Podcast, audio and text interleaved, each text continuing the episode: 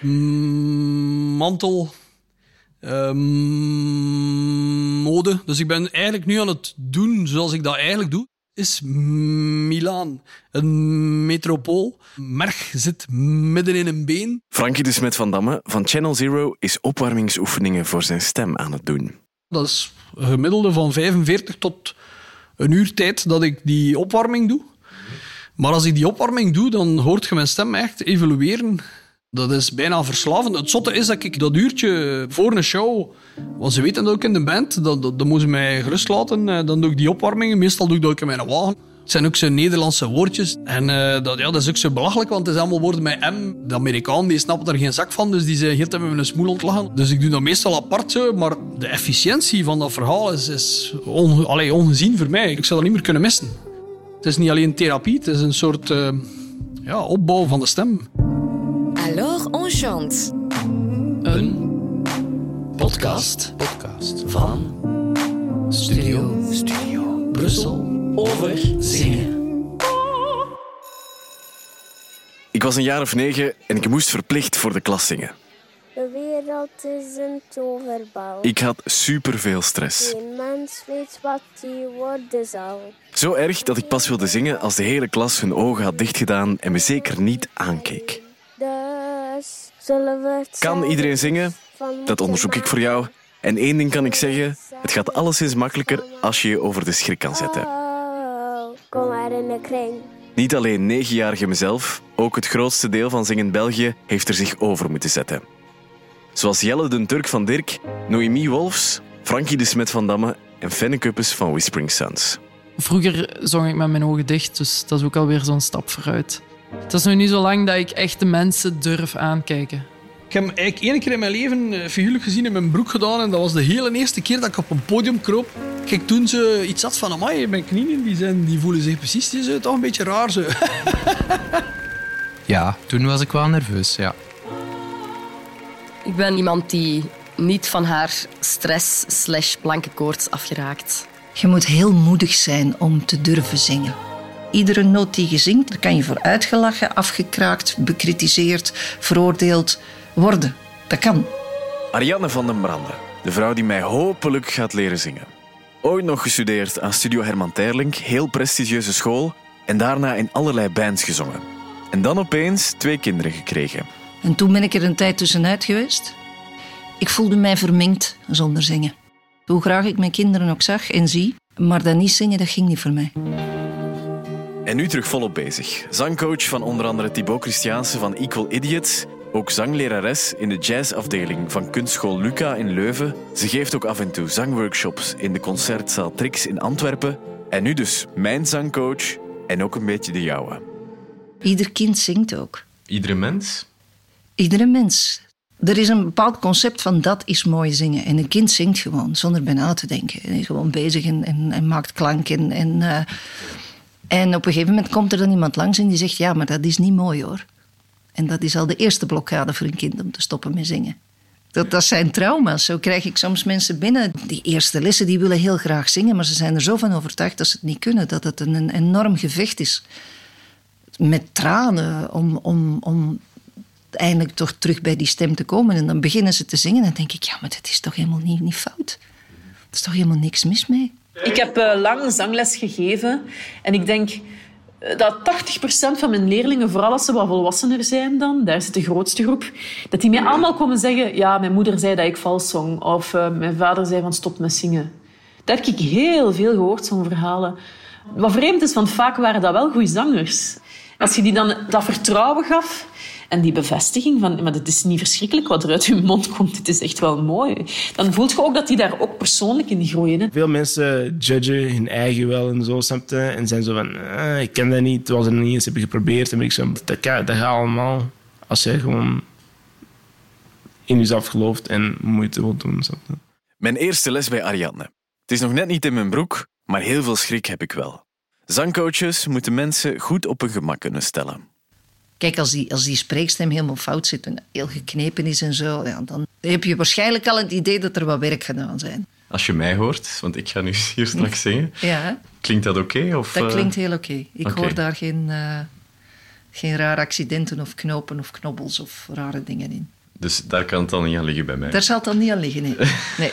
Als er nu bij u iemand hier binnenkomt en die heeft schrik om te beginnen zingen, wat zeg je dan tegen? Dat dat eigenlijk helemaal niet nodig is. Oké, En dat ik dat ook heel goed begrijp. dat is goed. Dan denk ik dat we dat eens moeten gaan uitproberen. Is goed. Ariadne vraagt me ook om een nummer te kiezen om te leren zingen. En dat wordt een prachtig nummer. Vandaan, Icon.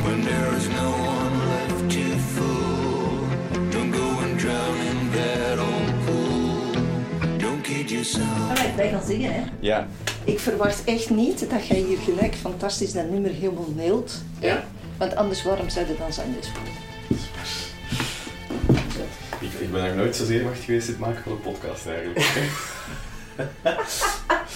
Nee aantrekken. Dit is echt gewoon... Beschouw dit als uw eerste autoreis. If you try to be an icon, then the icon becomes you. If you try to be a model, it will catwalk over you. You try to walk in straight shoes, then these shoes will blend you too. If you try to be a kid again, the kid will kidnap you. You know it's true. The guy you know, well, that's just you. And there is nothing you can do. Just like a door you can't get through. One left to fool. Don't go and drown in that old pool. Don't kick yourself. Er is helemaal niks dramatisch aan, dus die Maar ik heb echt zitten zweten. Ja, maar dat was dus totaal niet nodig. Vertel eens zelf, waar zit jij zelf blij mee en waar zit jij niet blij mee als je zingt? Ik vind dat mijn Engels beter klinkt als ik spreek dan als ik zing. Ja, Ja, je wil het te veel te goed uitspreken. oké. Jelle den Turk van Dirk heeft een tip voor de perfecte Engelse uitspraak. Wat ik bijvoorbeeld ook altijd doe bij Dirk, als ik eh, nummers inzing, is eerst mij een beetje tipsy drinken. Echt? Ja, zodanig dat ik de woorden niet te duidelijk uitspreek. Want dat is een neiging dat je hebt als niet-Engelstalige om ieder woord super duidelijk uit te spreken. Maar dat klinkt dan heel onnatuurlijk. Dus ik maak dat ik zo'n beetje tipsy ben. Niet te veel natuurlijk, want dan kan ik niet meer zingen. Maar zo'n beetje, waardoor dat het veel vloeiender klinkt. Maar ik ging nog eens even verder. Dus je vond uw Engels, uw Engels wordt er niet blij van? Nee, eh, de refreinen vind ik moeilijker dan ehm, Ja. de strofes. Je merkt wel, als je naar het iets hogere stukje Ja. gaat, dat het iets onvaster wordt. Ja. Ja? Dat is omdat je daar geen steun gebruikt. Dus dan komen we bij de rayon ademsteun. Het ding is, het belangrijkste is ook gewoon je ademhaling. Met, door je buik te ademen en zo. Bij het zingen, dus alles vertrekt vanuit een, een, een soort van buik, flank, rugademhaling. Ik zong altijd uit de keel. Ik vond dat heel moeilijk om te begrijpen in het begin toen Ariadne dat uitlegde. Maar ik zong echt vanuit de keel, terwijl je vanuit je buik moet zingen. Stembanden zijn twee spiertjes die trillen om klank te produceren. Hoe meer trilling, hoe hoger de klank. En dan lage tonen zijn ze meer ontspannen. Dus als jij, dat is hertz, hè? Ja. Hey, 440. Ah, 1047 keer per seconde. 1047 keer per seconde trillen of vibreren je stembanden om dat geluid te produceren. Om die stembanden zo goed mogelijk te laten vibreren, heb je een beetje lucht nodig. Maar te veel lucht is moord op je stembanden. Ja. Dus je gaat moeten leren hoe dat je dus die luchtstroom die door je stembanden gaat, moet controleren. De juiste hoeveelheid lucht naar je stembanden brengen, dat kan je doen door je buik goed te controleren. Omdat die in contact staat met onze longen via het middenrif. Dat is een vlies. En dat middenrif kan controleren hoeveel lucht er uit onze longen komt. Maar dan moet je wel je spieren gebruiken. Zingen is eigenlijk gewoon te herleiden tot buikspieren. Ik denk wel dat onder, onder al dat vet heel goede buikspieren zitten. Ze hebben goede buikspieren, over het algemeen ook redelijk goede rugspieren.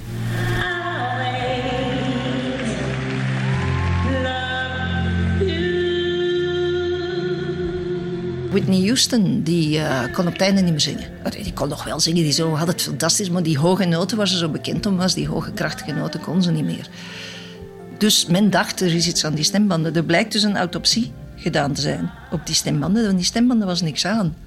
Maar zij was dus natuurlijk door al haar middelengebruik, was zij fysiek heel erg verzwakt. En daarom kon ze die noten niet meer aan. Omdat ze gewoon lichamelijk te veel verzwakt was. Die stem niet meer genoeg ondersteunen om die noten te zingen. De bouw van je lichaam gaat ook grotendeels bepalen hoe dat je klinkt, hoe dat jouw stemgeluid gaat zijn. Door techniek kan je dat een beetje beïnvloeden, in de goede zin dan hopelijk. Maar het blijft toch sterk verbonden met, met wie dat je bent. Fysiek ook gewoon. Dus in dat opzicht is het altijd iets heel kwetsbaar, ja.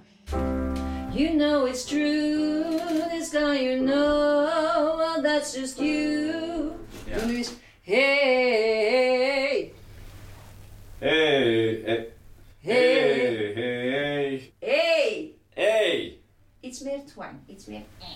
Als je die buikademhaling onder de knie hebt, wat bij mij dus duidelijk nog niet het geval is, dan kan je allerlei effectjes toevoegen aan je zingen. En dat gaat door allerlei spieren in je mond en keel te gebruiken. Bewust of onbewust. Een van die effecten noemt Ariadne twang. Daardoor kan je luider zingen en klinkt het ook allemaal iets specialer. Dat is dus niet knijpen op je stem, maar dat is eigenlijk compressie. Ja. Waardoor je stem eigenlijk een beetje het effect krijgt alsof een waterslang waar je duim op zet, dat dat dus heel erg versterkt wordt. Dus geef mij eens uw beste innerlijke eend. Goed zo. Dus dat is, die ga je opzetten naar gelang hoeveel dat je hem nodig hebt. Dus als je het nu hebt over Amy Winehouse, dan heb je... Why won't you come on over Valerie? Die gebruikte die heel veel. Maar dan Bob Dylan, die, die zingt alleen maar in dat. Ja. Dat is, dat is volledig uh, getwangt. Ik zong ook bijvoorbeeld in Arid, waar mijn vroegere groep was. Als we in de kleedkamer zaten of zo, dan deed ik ook echt soms heel luide noten. Zo. En die zijn altijd, oh, zot man, je bent zot, ja, natuurlijk weet niet veel pijn. Allee, wa- wa." En ik zo, wow, allee. Maar ze hebben dan eens gemeten en op mijn hoge luide noten haal ik meer dan 120 decibel. Dus dat blijkt toch wel echt pijn te doen. Dan. Sorry, iedereen. Ik heb het ooit eens proberen meten hoor. Dat was op tour met een productie. En de bassist wou wel eens weten hoeveel decibel dat ik haalde. Dus die had zo'n appje op zijn iPhone. Maar ja, in hoeverre kun je dat vertrouwen? Maar blijkbaar haalde ik het niveau van een straaljager. Maar ik weet dan niet hoe ver dat die straaljager overvliegt. Of, allee, wij kunnen wel een pakje luid zingen. Voor een baby is het ook de enige vorm van communicatie, hè? lawaai. Wat trouwens een techniek is die heel veel rockzangers ook gebruiken. Hè? Hetzelfde wat een baby doet. Als je een baby hebt, die doet... Ja. En dat is ook waar rockzangers heel veel gebruiken in de hoogte.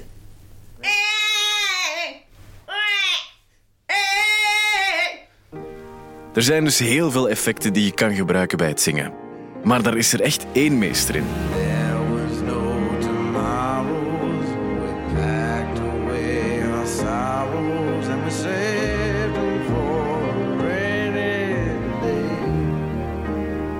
Tom Waits is, is, eh, is gewoon een meester in effecten. Dat is gewoon een waanzinnig goede zanger. Het is gewoon keistraf. En iedereen denkt, ja, Tom Waits kan niet zingen, die mompelt maar wat. Dat is niet waar. Die gebruikt alle effecten.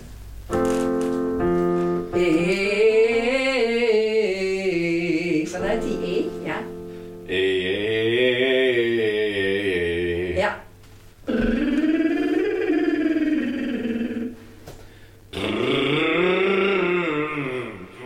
Zangles zonder toonladders is geen echte zangles. Toonladders, you love them or you hate them.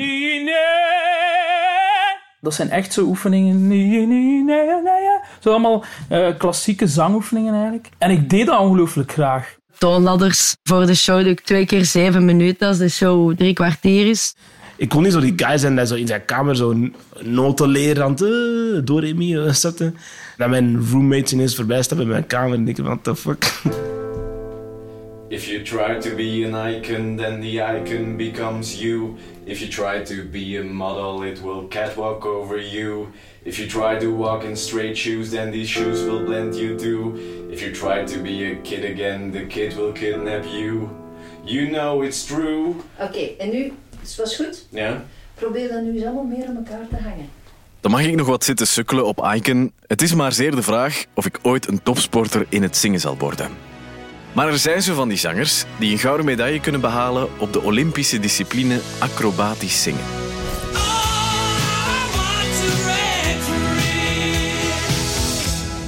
Freddie Mercury zingen, dan moet jij van goede huizen zijn om dat te doen. Ik denk dat, en dat zal Tom Baarman mij niet kwalijk nemen, ik denk dat hij in zijn een fantastisch muzikant zijn, zingt hij natuurlijk bijvoorbeeld helemaal anders technisch dan bijvoorbeeld Freddie Mercury of zo. Die veel grotere intervallen zingt, dus de afstand tussen de noten is bij Freddie Mercury natuurlijk van de ene noot naar de andere soms super groot. En bij iemand als Tom Baarman of Bob Dylan, waar ik beide grote fan van ben, is dat niet. Olympische Spelen bijvoorbeeld. Ehm, Love is All, ken je dat nog?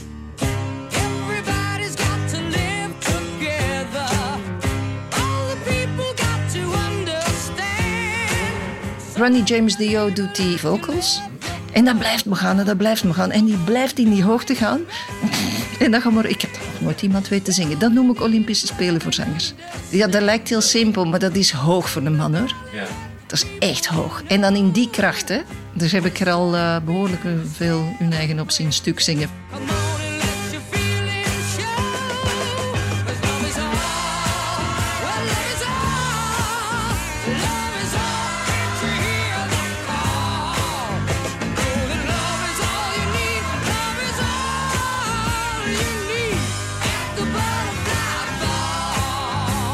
Ga dit even zingen. En dan toch halverwege moeten afhaken van... "Hmm, toch me niet. Noémie Wolfs is een veteraan van de zangles. Ik heb ook al een paar keer zo de vraag gehad, eh, ooit zelfs van Tourist MC, om zo zangles te geven, maar dat doe ik niet. Ik heb die kennis onthouden en ik pak dat mee voor mezelf. Maar ik ben niet degene die u goed de theorie moet leren. Daar zijn andere mensen veel bedrevener in dan ik. Je haalt dikwijls schat eigenlijk zo. Of dat ik wat tips had. En dan zeg ik ja, een sigaret roken en een glas rode wijn drinken, maar dat zal wel niet de beste tip zijn. Roken droogt je stembanden uit. En die stembanden gaan meer slijm produceren om dat tegen te gaan. Dus als jij af en toe rookt, zo dramatisch is dat niet. Drinken, daarvan zetten je stembanden uit. Dus als je drinkt, dan krijg je eigenlijk een beetje zwelling op je stembanden, omdat die bloedvaten wat gaan uitzetten door de alcohol. Maar het belangrijkste is, is dat het eigenlijk je algehele conditie ondermijnt. En als jij iedere avond, of tenminste drie keer per week, twee uur op een podium moet staan springen en ondertussen nog moet blijven zingen, dat trekt er niet zonder een hele goede fysiek. Ik denk niet dat Mick Jagger nog rookt of drinkt, want anders kan hij dat echt niet doen wat hij nu doet. Rock'n'roll-sterren zijn minder rock'n'roll dan we Dan denken. wij denken. Dat kan ook niet anders. Er zit een heel bedrijf achter. Vele mensen denken dan, oh, je moet sigaretten roken. Daar wordt je stem zo wat ruiger van. Maar dat is echt de grootste kwatsch die er bestaat. Sigaretten, koffie en drugs, al die dingen, dat is het slechtste voor je stem. En vooral ook rust, dat is het enige wat je stem nodig heeft, denk ik. Ik ben wel een roker geweest in mijn tienerjaren. En ik ben gestopt toen ik een jaar of 22 was ongeveer. En dat heeft wel een heel grote invloed gehad, stoppen met roken. Eh, Zeker na concerten kon ik dat echt eh, soms voelen, terwijl ik daar nu eigenlijk echt heel weinig last van heb. Ik rook niet meer. Ik heb nog gerookt bij de eerste opnames van mijn eerste Arid-plaat. Zo heb ik van die oude video's van voor de iPhone bestond ik zo mijn sigaret. Ja, we gaan nu een liedje zingen. Ik rook niet. Ik drink een beetje alcohol, maar ik lust geen bier en geen wijn. Dus eh, ik ga wel eens uit gelegenheid een glasje champagne meedrinken, maar dat is het ook. Ik heb ook niet genoeg reserve. Allee, als ik uitga bedoel, heb ik niet genoeg reserve om echt zat te zijn. En om eens een kater te hebben, want ik moet er zondags terug staan. Geen whisky en roken. Geen bier. Als ik bier eh, drink de avond voor een concert, dan heb ik na twee uur geen stem meer. Dat is raar. Wa- Wat ik dan op een gegeven moment geleerd heb van een operazanger, en dat doe ik eigenlijk al jaren. Dus ik drink eigenlijk geen alcohol, behalve twee of drie kleine glaasjes champagne vlak voor ik begin. Goede champagne, dat is het wat- Ik heb op mijn radar staat ook alleen maar een goede fles champagne, verder niets. Ja. En dat geeft je een licht euforisch gevoel. Dat trekt je stem en je kleur een beetje open. En dat werkt echt. Geen halve fles binnengooien, hè? dat niet. Hè? Ik vind dat wel heel vervelend. Vaak is dat echt zo. Maar je zingt, waarom rookt je dan? Ja, ja, ik weet dat dat niet goed is. En ik weet dat ik mijn instrument zijnde mijn stem beter moet verzorgen. Maar voor mij is roken gewoon... Ik kalmeer daarvan. Ik word daar rustig van. Ik zeg het, ik ga niet mij kapot roken als ik een dag erna een zware show heb. Dat doe ik nooit. Maar zo een paar sigaretten voor ik op moet, is bij mij echt een noodzaak. Ik bedoel, het is dat of wijn drinken en van wijn word ik zat en dan zing ik vals. Dus is roken... Ja, ik kan ook keiveel drugs pakken, maar ik bedoel, ja, dat is ook niet gezond. Dus dan denk ik van, dan is roken zo wat gulden middenweg tussen alles of zo. You know it's true. You know it's true. Goed. The guy you know, well, that's just you. And there is nothing you can do. Yeah. It's like a door you can get through. When there is no one left to fool. I'm gonna drown in that old pool. Don't kid yourself. Mijn allereerste zangles ooit zit erop. Bedankt. Nog vragen? nee, alles, eh, alles is duidelijk. Ja. Het is echt zeer leuk. Maar wel met veel pieken en dalen. En met allebei moet je rekening houden. Als leadzanger moet je wel een beetje ontdekken wat dat je stem kan. En nog belangrijker, wat dat je stem niet kan. En je moet daar een eigen karakter in proberen vinden. Iets dat herkenbaar wordt. Na zeven jaar nu, want ik zing nu zeven jaar, kan ik wel zeggen dat ik wel al voor 30% weet van dat is wat ik wil doen en dat gaat er effectief ook uitkomen. Maar Ik ben bijvoorbeeld een tenor. Allee, ik heb geen bariton. Eh, Ik kan ook niet zo een, een Barry White eh, naapen. Dat gaat niet. Allee, ik, durf wel zeggen dat ik op 30 jaar tijd nu vrij goed weet wat ik kan en wat ik niet kan vooral. Want dat is het belangrijkste. Ik denk dat je als zanger vooral moet eh, zoeken naar... Ja, wat kan ik niet? Je kunt dus heel veel zangles volgen en dingen studeren en, en heel veel trucken leren. Maar dikwijls is het net de oplossing die iemand gebruikt om iets te zingen dat hij, om te omzeilen dat hij iets niet kan, dat net die stem zo eigen maakt. Ik denk dat ik het wel fijner zou hebben gevonden als ik misschien qua stem meer aan zou kunnen of zo. Of dat ik, als, dat ik hoger zou kunnen gaan of weet ik veel wat. Maar ik heb gewoon doorheen de jaren ook gewoon beseft dat dat niet hoeft. En dat ik misschien wel... Dat ik met wat ik heb gewoon kan doen wat ik wil. Dat ik genoeg kan doen. Ariadne vertelt me nog dat Schmiegel, dat lelijke beest van Lord of the Rings, het prototype grunter is. Er is zo, de dingen van de beste zangers zijn de klassieke zangers. Eh, ik ben het daar eigenlijk niet mee eens. Ah, ik kan ongelooflijk in bewondering liggen voor van die, eh, van die heavy metal gasten die met de meest waanzinnige effecten komen. En dat vraagt precisie. Dat vraagt kracht en precisie, want als je daar één foutje in maakt, dan kun je twee weken zwijgen. In de derde aflevering van Alors on Chante gaan we er dieper op in. Kan iedereen zingen? Sommige genres kan je alleszins al makkelijker zingen dan andere. En dat ligt ook aan wie je bent en aan de studio waar je het kan opnemen. Hoe is het om te rappen, om opera, heavy metal, het Vlaamse levenslied of in koor te zingen? En waarom kies je ervoor? Dat hoor je door gewoon de volgende aflevering te beluisteren.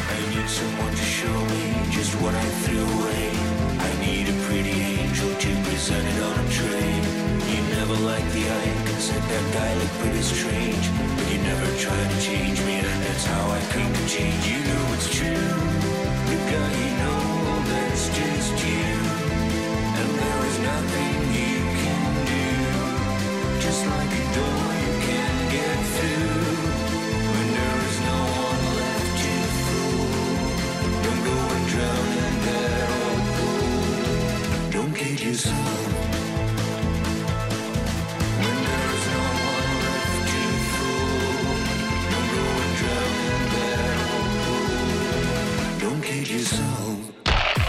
was een podcast van Studio Brussel. Vond je hem leuk? Check dan zeker ook onze andere podcasts, zoals de Popcast, waarin Stijn van de Voorde elke week zijn licht laat schijnen over het muzieknieuws. Nu via stubru.be of je favoriete podcastplatform.